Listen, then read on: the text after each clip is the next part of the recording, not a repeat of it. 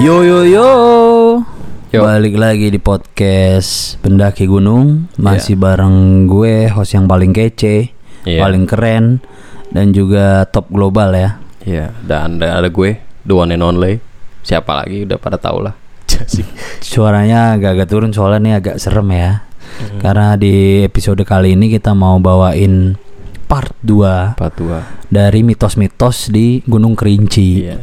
Perasaan kemarin energik banget semangat gitu ya Nah, ini kenapa suara kita makin turun? Karena belum gajian Karena volume diturunin. Gue kira belum gajian sama belum makan Laper cuy Masa lapar lagi ya? Lapar? Enggak Iya lapar Enaknya mil kali ya. Ngemil apaan nih? Si Padang kayak. Jam 11 malam masih Padang. ngemil nasi kuning anjir Bor, ini gue mau hmm. ada lagi nih, Bor. Apaan mitos yang lanjutan yang kemarin ya? Iya. Belum selesai kan masih banyak. Oh iya iya benar-benar Masih ada lumayan lah ya Tapi ini kita yang ibaratnya mitosnya tuh yang peringkat-peringkat atas lah Iya, yang Lainnya kan mitos-mitosnya nggak terlalu dipercaya nggak dipercaya terlalu luas. Kalau yang kita bawain ini, masuk top 10 lah ibaratnya. iya ibaratnya Kalau di MTV ampuh mah masuk top uh, uh, 10. MTV ajang mitos pribumi 20 ya ampuh. Nih ya, Lanjut Bor. ternyata Bor, Hmm. di sana itu ada rumah sakit kolonial Belanda, Bor. Di mana? Di Sono. Kayu Aro. Kayu Aro. Aduh, serem banget anjir. di Berarti daerah Sungai Penuh, Kabupaten Kerinci, Provinsi Jambi. hmm, udah lama banget tuh berarti ya kalau zaman Belanda kan ya udah, Belandanya sera- udah udah jadi ini Belandi. Belanda Belandi lah Ya, Bor. salah. Bora-bori lagi. Belanda kan belang dah. Belanda tuh belakang dapur. ya elah, si baru. si baru. Jadi baru. rumah sakit kolonial Belanda ini Udah ratusan tahun berarti Bor ya? ini katanya sih dinominasikan sebagai rumah sakit paling angker di Indonesia, cuy. Astagfirullah. Berarti kita harus datang. Ntar kita kupas saya kali ya. Ya, ini ada episode Kisah-kisah sendiri kali ya. keangkeran Iya, ntar kisah-kisah keangkeran rumah sakit kayu aro gitu kali ya. Iya, karena ini umur bangunnya juga udah berabad-abad, cuy. Iyalah kan Belanda udah dari zaman dulu. Iya, makanya ya gimana udah berabad-abad, makin mistis, makin hawanya udah Bangunannya tapi masih terawat kan? masih tiap pas masuk set biliar, ada kafe, ada live live musik, kagak serem-seremnya aja. Jangankan diriku Semut pun kan marah. Tapi kalau kayak gitu gimana ya? Iya ya Enggak maksud gue Kan kayak di Bandung kan ada tuh ya Bor. Eh, Dulu kan ada tuh yang Yang tau gak lu rumah ambulan? Ah iya iya. Nah sekarang itu udah jadi kafe Bor Bahkan ambulannya pun Ambulan yang itunya Ah, ah. Dipasangin lampu atasnya Sirine gitu. Jadi nyala muter-muter. Jadi kafe di Bandung Oh, iya, Rumah ambulan itu. Bertahu gak? Iya gue itu bahkan gue udah lama bor, udah lama gue 2014 kali gue lewat. Ini rumah kan waktu itu jelajah-jelajah ke Bandung, explore-explore dulu waktu masih belum nikah, Hmm. Jalan juga sama bini gue. Rame-rame lah intinya, itu sampai dua mobil gue ke Bandung 8 orang, ya cuman ngiter-ngiterin itu doang rumah sakit Boromeus pokoknya yang ibaratnya yang serem-serem lah gitu. Tapi ternyata pas datang ke sono vibe seremnya udah hilang udah nggak ada. Itu- mungkin mungkin rumah sakit kayu aro kayak gitu juga kali ya? Apa Iya, enggak? Bisa. Bisa bisa. Tapi kan- kasihan banget setan Indonesia ya. Kayak udah nggak ada kayak nggak ada harga dirinya gitu loh. Gimana ber lanjut lagi lanjut lagi. Ada apa lagi? Gue agak sedikit gue kalau rumah sakit bener dah. Takut gue sumpah. So, ini tempat ini udah beberapa kali jadi tempat favoritnya uji nyali, Bor. iya. Di TV di mana pun gitu Iya. ya. Katanya sih di YouTube YouTube sekarang gitu ya. Hmm, kali bisa kali kita cari konten orang ya iya, yang di bisa. YouTube gitu atau kita sendiri kali ke sono gue pengen banget. serem banget bor Emang maksud apa? gue kalau tulis surat wasiat dulu sebelum jalan biar aman. bukan masalah itu gue sebenarnya ya ini misalnya nih ya kalau kayak gue nih di Jakarta kan Hmm. horor ke kota tua ya kan balik ke rumah deket bor motoran ja nyampe Lah ini ke Kerinci. Enggak kalau pas lagi naik dulu di halte apa di terminal nungguin bus. Dari bus masuk lagi kapal feri. Apa kita ke bandara dulu? Jauh mau balik tuh. kalau si Perry mau minjemin kapalnya. kalau dipakai sama dia gimana? Iya kan? Pinjam sama Pera. Iya, kakaknya. Kakak. Iya maksud gue jauh banget gitu. Lu jauh-jauh cuman mau nge-explore gitu doang kalau mungkin ya. Kalau subscriber lu jutaan mah kagak apa-apa. Lu tapi- jauh-jauh gak explore gitu nah anjir. Serem anjir. Enggak kalau pas kita lagi ke Gunung Kerinci, berarti kita lebihin harinya buat ke Hmm. Buat explore. Kayaknya itu juga berlaku buat ke gunung-gunung lain dah. Sebelum kita ke gunung lain kita riset dulu. Hmm. Kira-kira tempat yang menarik di situ apa gitu. Hmm, Iya gak sih? eh, ngomong mah enak. Ya emang enak ngomong yang bilang udah enak siapa? Udah nyampe sono, anjing capek banget gua udah balik aja gitu kan. Sebelum naik, Lah, sebelum naik. lah terus kalau udah ketemu hantu jadi mood hancur mau naik gimana? Anjir gua kagak bawa. Kan demi konten. konten everywhere. Jadi setannya juga kesel kali ya. Anjay gue dikontenin anjir. Tapi sebenarnya bangunan rumah sakit nih kalau bisa dibilang angker mau baru mau udah ratusan tahun rumah sakit mah angker semua Iya. bor maksud gua jangankan yang lama ya yang baru aja Pasti. malah anjay serem banget gitu Katanya di di bangunan itu, Mm-mm. terutama Serem tuh di lorong-lorong itu, Aduh. itu suka ngeliat ada penampakan anjir hantu dokter, anjir suster, Anjir. sama pasien yang Nggak, yang nggak. mu- yang mukanya tuh mengerikan bor. Enggak, gua nggak mau, enggak, enggak, enggak. Ampun gua mah. Karena lo nggak percayaan, berarti kita harus buktiin sendiri ke sana bor. Bu- Kapan-kapan. bukan nggak percaya, gua nggak mau, anjir. Enggak, gua kalau gua gini ya orangnya ya. Kalau gue gue bisa dibilang pemberani, bisa juga dibilang penakut. Pemberaninya gini, ketika gue ketemu setan gitu ya, wujud ap, ketemu jin, wujudnya tuh kayak setan yang kita percaya, gue slow, be aja. Hmm. karena nggak sengaja tapi kalau misalnya kayak gue nyari terus ketemu wow itu gue deg-degan banget sumpah Kita kan nggak nyari setan. Ya kan lu kan mau ngonten nih berarti explore gitu kita itu apa namanya kalau bukan nyari penyakit ya kan Nyari vibes-nya doang. berak serawak lu Gak Banyak gua, amat. kalau kita cebok ke segayung cebok ke segayung Abis isi perut gua. Enggak maksudnya kalau kita nyari nih, wah mana nih ya center nih, center cari-cari. Ketika ketemu itu double borsa takutnya ketimbang lagi jalan ah beli rokok ah nggak sengaja gitu ketemu itu masih ya gimana ya kayak natural aja gitu. Benar. kalau gua, kalau gua, kalau lu gua nggak tahu dah. Kalau lu mungkin emang Ya kan gue juga bilang nggak usah ke sana, udah aja sih. Gua kira suhu ternyata cupu. Berubah drastis. Enggak kan? Bener gak sih kalau gua mah gitu. Kalau nyari-nyari tahu-tahu ketemu anjay. Buat gue dua-duanya. Iya. Dua-duanya enggak juga ya lu kayak. Ya kan kalau kita nggak sengaja kan natural, Bor. Wuh, gitu doang. Kalau misalnya nyari Tapi kan sengaja ya? kalau udah kalau kalau nyari sengaja udah siap bor. Ya tapi kan udah intens di dalam diri. Anjir ada setan nih kayaknya nih di sini nih. Di sini nih nih nih. Nih dah, gitu kan nih. Parno, Bor. Be, langsung deg-degan. Gimana ya? Kayak lu nyari buaya dah. Lu expect di situ ada buaya gitu. Ketika nya wah ini ada buaya nih. Lu lempar gitu, bur nyamber beneran takut lu ketimbang nggak tahu wah ada buaya anjing gitu Iya. Oh nyuri buaya kaki yang satu tuh.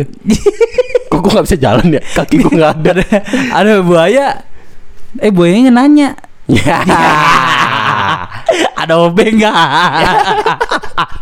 nggak ada tapi kalau nomor HP ada kan si baru.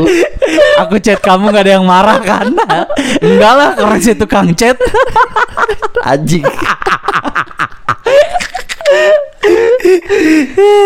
gue sebenarnya daripada rumah sakit ya Hmm. menurut gue pribadi nih le- lebih Emang lu serem pribadi lu bukannya Ali. oh iya Ali pribadi Apri ya Gak menurut gua nih lebih serem tuh eh, Tugu Yuda Ah tugu dong sini banyak bor. Bukan Tugu masa belimbing dong. Sekarang kagak ada diambil orang. Iya. Depok ada-ada aja. Kemarin tutup got anjir. tutup got. Lu tahu yang di Pondok Indah tuh rumah Hah? kentang Heeh. udah direbus. Ngeri basi.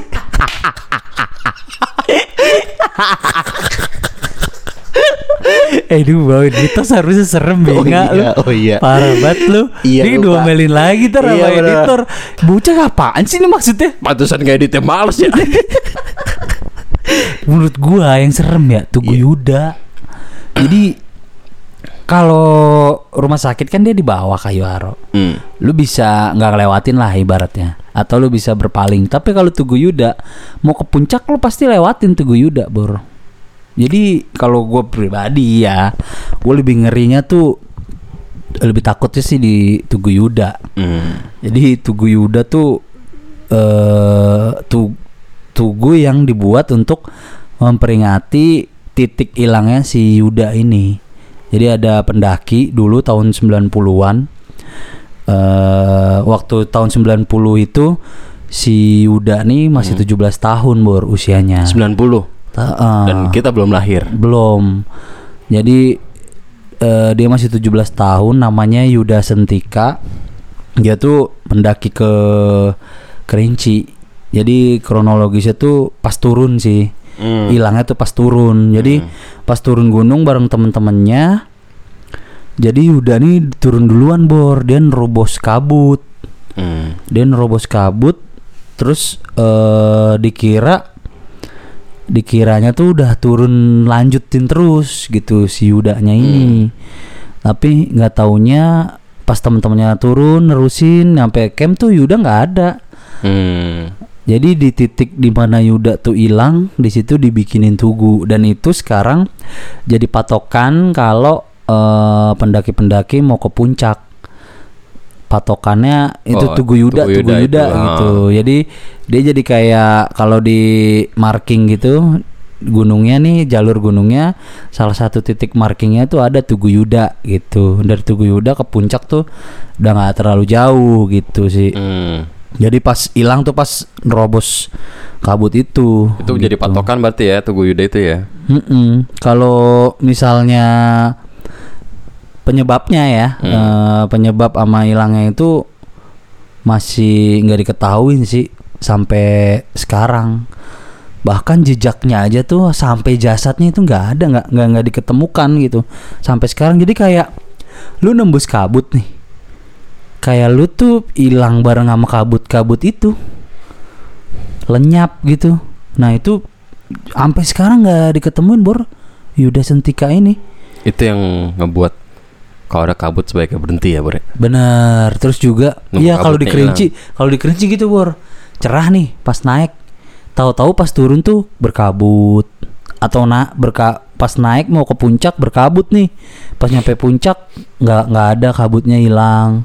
Hmm. pas turun lagi kabut lagi kayak gitu. Jadi kalau pas nengok ada orang fogging. Bang, ada nyamuk, nyamuk. ada yang nge-vape ya kan? Bu lagi trik show Lagi trik Lagi trik vape. Iya sih Lagi trik Lagi ngetrik anjay. Jadi kalau hilangnya sih kayak gitu Lenyap Bener-bener lenyap gitu Terus Seri juga ya, cuy. Iya Kerinci tuh kayak gitu Kalau barengan gitu ya Berhenti ya bareng Jangan ada yang jalan. Terus kalau bisa pegangan tangan Atau berhenti azan dulu. Biasanya sih kalau ada kabut azan. Kalau pendaki ya Hmm. ada yang begitu kabut nih tiba-tiba kabut jalanan nggak kelihatan sama sekali. Jalur jalurnya ke mana ke mana arahnya nggak kelihatan. Sampai hilang hilang arah biasanya azan dulu sebentar. Habis azan ya ntar mudah-mudahan kebuka gitu. Harapannya sih gitu. Tapi ya kalau itu sih kalau yang muslim ya Iya. kalau yang beda server mungkin ada amalannya lagi yang lain lah gitu gua Iya. gua nggak ngerti gitu Gue mau nimbalin, takutnya ngedit bukan gua nih. Iya. Terus jadi banyak opini yang berkembang sampai mitos-mitosnya juga banyak yang berkembang juga. Jadi yang ngaitin fenomena hilangnya Yuda sama hal gaib ini banyak gitu. Terus juga dikaitin sama yang pertama kemarin itu Bur. Uhang Pandak. Jadi Yuda tuh diculik sama Uhang Pandak sama orang pendek itu. Ya ngeri juga, cuy. Jadi ya banyak juga sih ada juga yang teorinya Yuda tuh diculik sama makhluk halus jadi penunggu jin penunggu situ ada yang seneng sama Yuda Yuda diculik terus juga eh Yuda ternyata masuk ke gerbang gaib jadi hilang ada ada juga yang kayak gitu gitu. Terus gitu gue gue jadi mikir dah disukain sama makhluk halus gimana caranya biar kita nggak disukain makhluk halus ya? Nggak bisa lah. Kayak lu aja nggak bisa mengelak kalau lu disukain sama perempuan gitu. Karena iya sih itu udah di luar ini kita ya. Iya di luar kuasa Iya, lu. Lu kan nggak bisa ngatur perasaan orang perasaan makhluk lu Mhm. gitu yang lu bisa kan lu dengan bersikap gitu. Terus Iya juga cuy. ya. jadi mitosnya itu di Tugu Yuda tuh kadang-kadang ya kalau ada yang tersesat tuh ada pendaki yang ngasih tahu arah. Hmm, nah orang mungkin.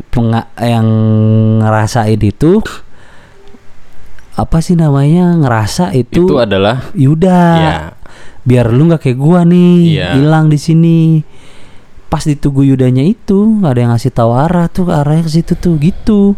Bahkan ada juga beberapa cerita mistis juga di Gunung Kerinci yang orangnya samit berdua tuh. Ntar deh kita kapan-kapan kita bawain ya buat Apa? yang tugu Yuda ini. Oh ya mitos cerita seram di tugu Yuda. Hmm.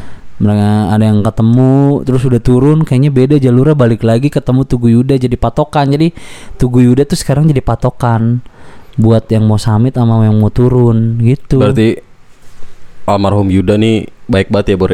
Iya. Coba kalau kebayang kalau kalau orangnya iseng.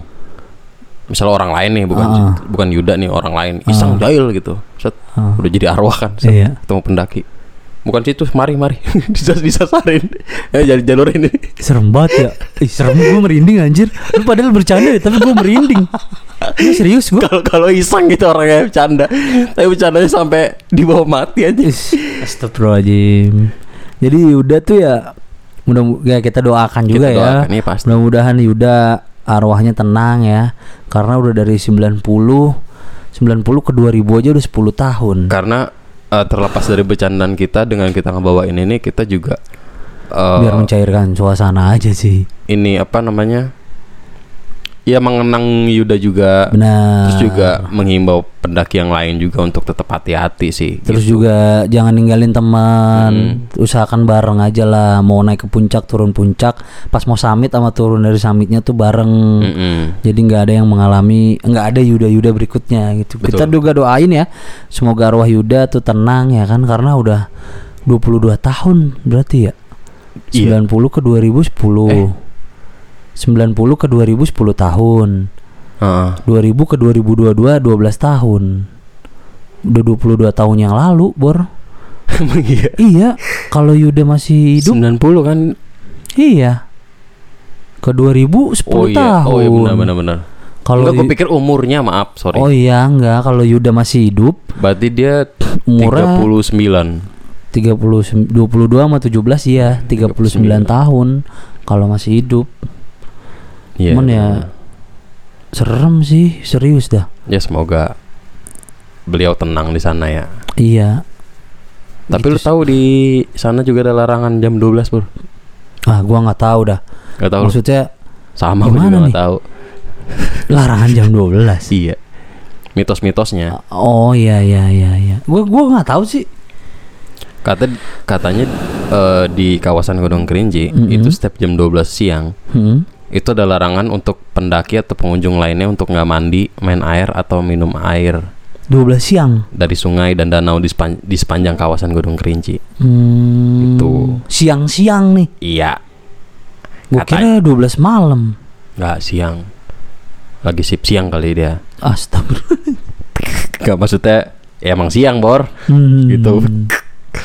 Katanya sih mitos ini berkaitan sama keberadaan orang bunian. Oh iya iya iya Kerinci. iya iya iya. Eh selain selain Uhang Pandak ada orang Bunian juga. Nah katanya jam segitu Mm-mm. jamnya orang penunggu di sana tuh yang pakai air di sana bor. Oh jadi kayak kita gantian. Kayak gantian. Jangan bersinggungan ya. Hmm. Iya iya iya iya.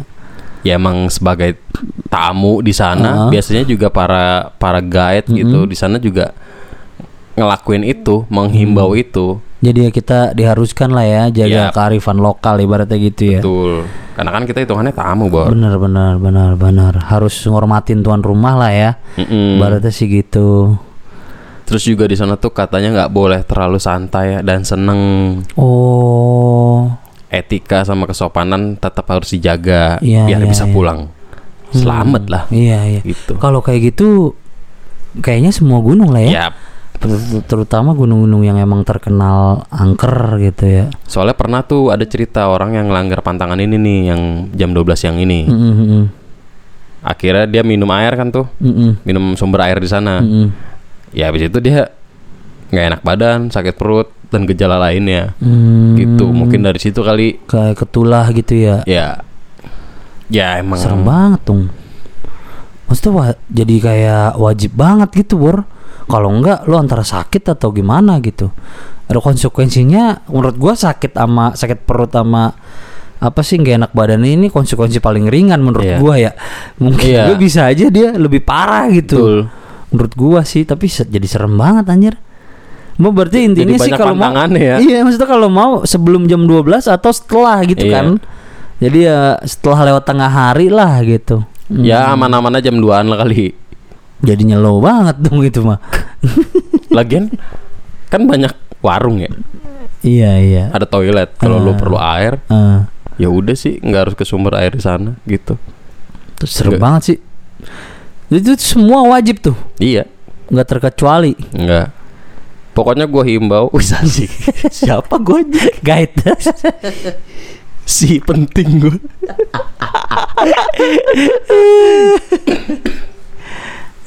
gue kalau kalau inget cerita orang Bundian kan dia kan serem-serem gitu ya kayak Hmm. kayak makhluk halusnya lah. Kalau Hmm. orang pandak kan eh, orang fisiknya gitu ya. Hmm. Kalau orang Bundian kan mi- mistisnya Hmm. mengenai mistis sih sebenarnya di Kerinci ada juga tuh bor Apa? Eh, mitos hantu gendong. Hantu gendong. Heeh, jadi hantunya. Minta gendong apa? iya iya bener. Iya. iya bahkan mungkin langsung naik aja gitu Lah, ke carrier banget udah bawa carrier gendong. itu dia bor. Mitosnya tuh begitu. Jadi banyak juga yang udah dia yang ngalamin. Jadi gimana ya? Hantunya tuh kayak sering ngasih berat yang berlebih gitu. Sama tas carrier yang dipakai pendaki Hmm, jadi padahal padahal tasnya tuh kayaknya nggak ada beban apa-apa gitu atau mungkin pas turun gitu loh Bor. kan Iya, udah enteng ya logistik udah habis gitu tahu-tahu berat ya. Iya, jadi tiba-tiba lebih berat dari sebelumnya gitu. Itu kalau itu kayaknya di semua gunung dah, Bor. Hah. Kalau hantu gendong itu. Eh istilah hantu gendong sih gua baru denger ini sih Ini di, di gunung. Merbabu ada juga, Bor. Jadi kayak mitosnya ya, hantu gendong nih penunggu gunung itu, Gunung Kerinci ini. Terus Hmm.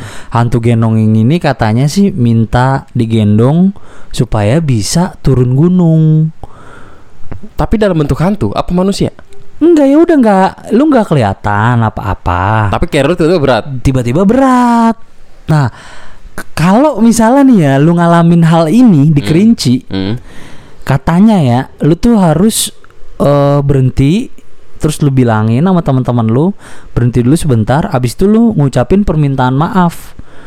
Lu Hmm. memohon maaf gitu kalau sebenarnya lu tuh nggak bisa bawa dia keluar. Pokoknya intinya lu minta maaf gimana kalau lu tuh nggak bisa bawa dia keluar dari gunung itu? Soalnya kalau lu nggak ngelakuin permintaan maaf ini itu carrier lu tuh bakalan semakin berat berat sampai akhirnya lu tuh ketinggalan terus hilang Berarti ini menurut gue ini yang paling wajib diketahui sama pendaki kalau mau ke Gunung Kerinci.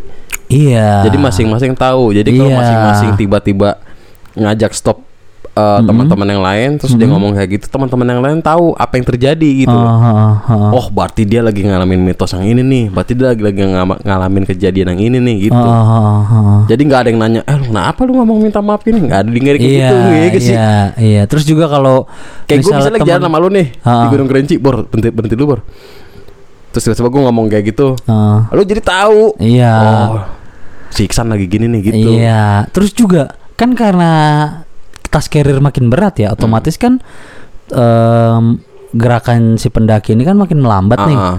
ketika melambat ya lu sebagai teman satu tim lu tuh harus nungguin.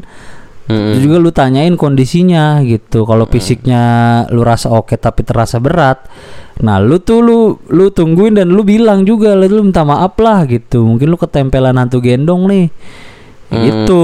Jadi Iya. kitanya nunggu anggota rombongannya nungguin biar dia nggak ketinggalan dan hilang. Intinya sih gitu. Ya gua kalau ngomongin hantu gendong jadi inget inian yang mitos pohon bolong. Oh iya tuh.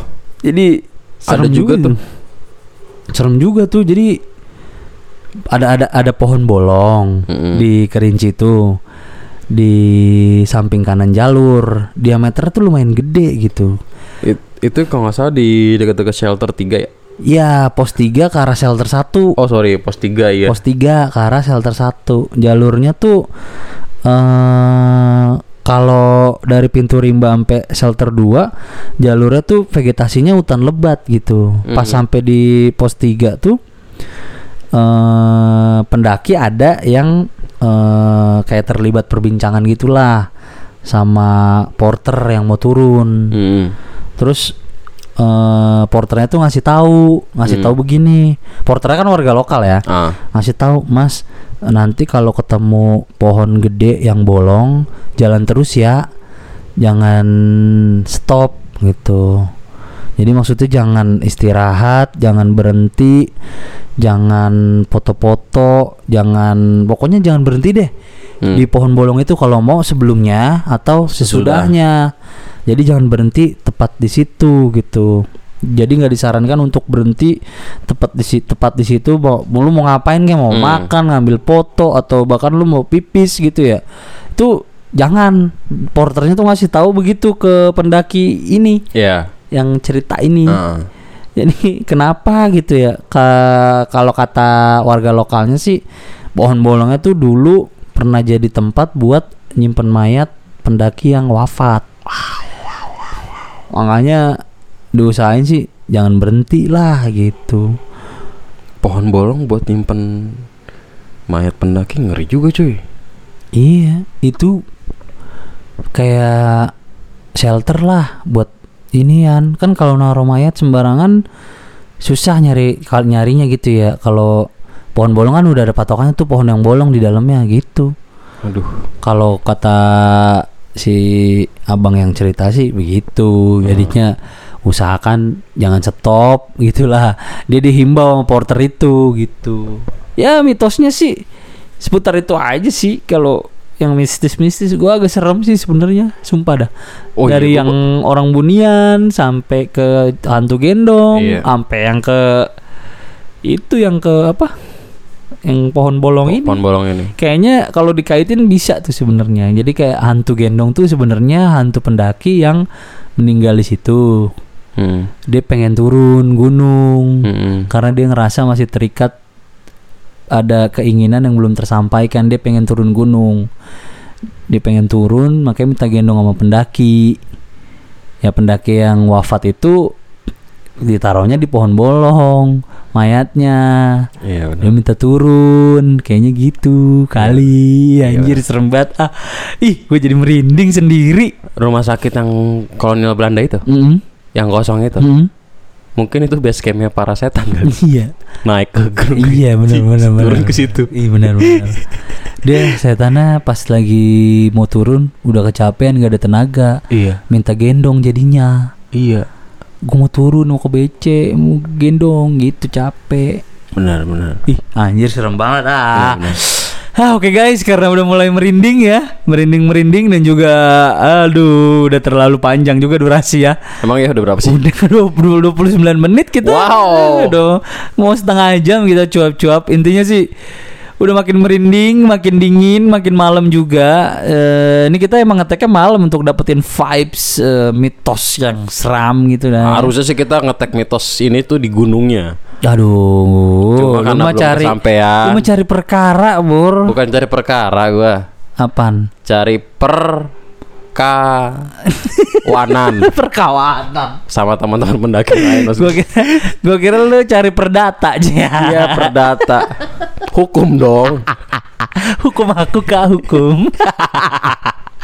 Oke guys, cukup sekian mitosnya ya. Iya. Mudah-mudahan bisa menjadi wawasan dan pengetahuan buat kalian ya untuk mewanti-wanti dan juga menjaga diri dan juga eh, mengedepankan akhlak dan juga mengedepankan sopan santun dan Betul. menjaga kearifan lokal. Oke, cukup sekian episode mitos Gunung Kerinci kali ini ya. Hmm. Ini berakhir di part 2 karena udah nggak ada lagi yang kita angkat. Iya. Kalau gitu gue Ali pamit. Gue Iksan. Ciao.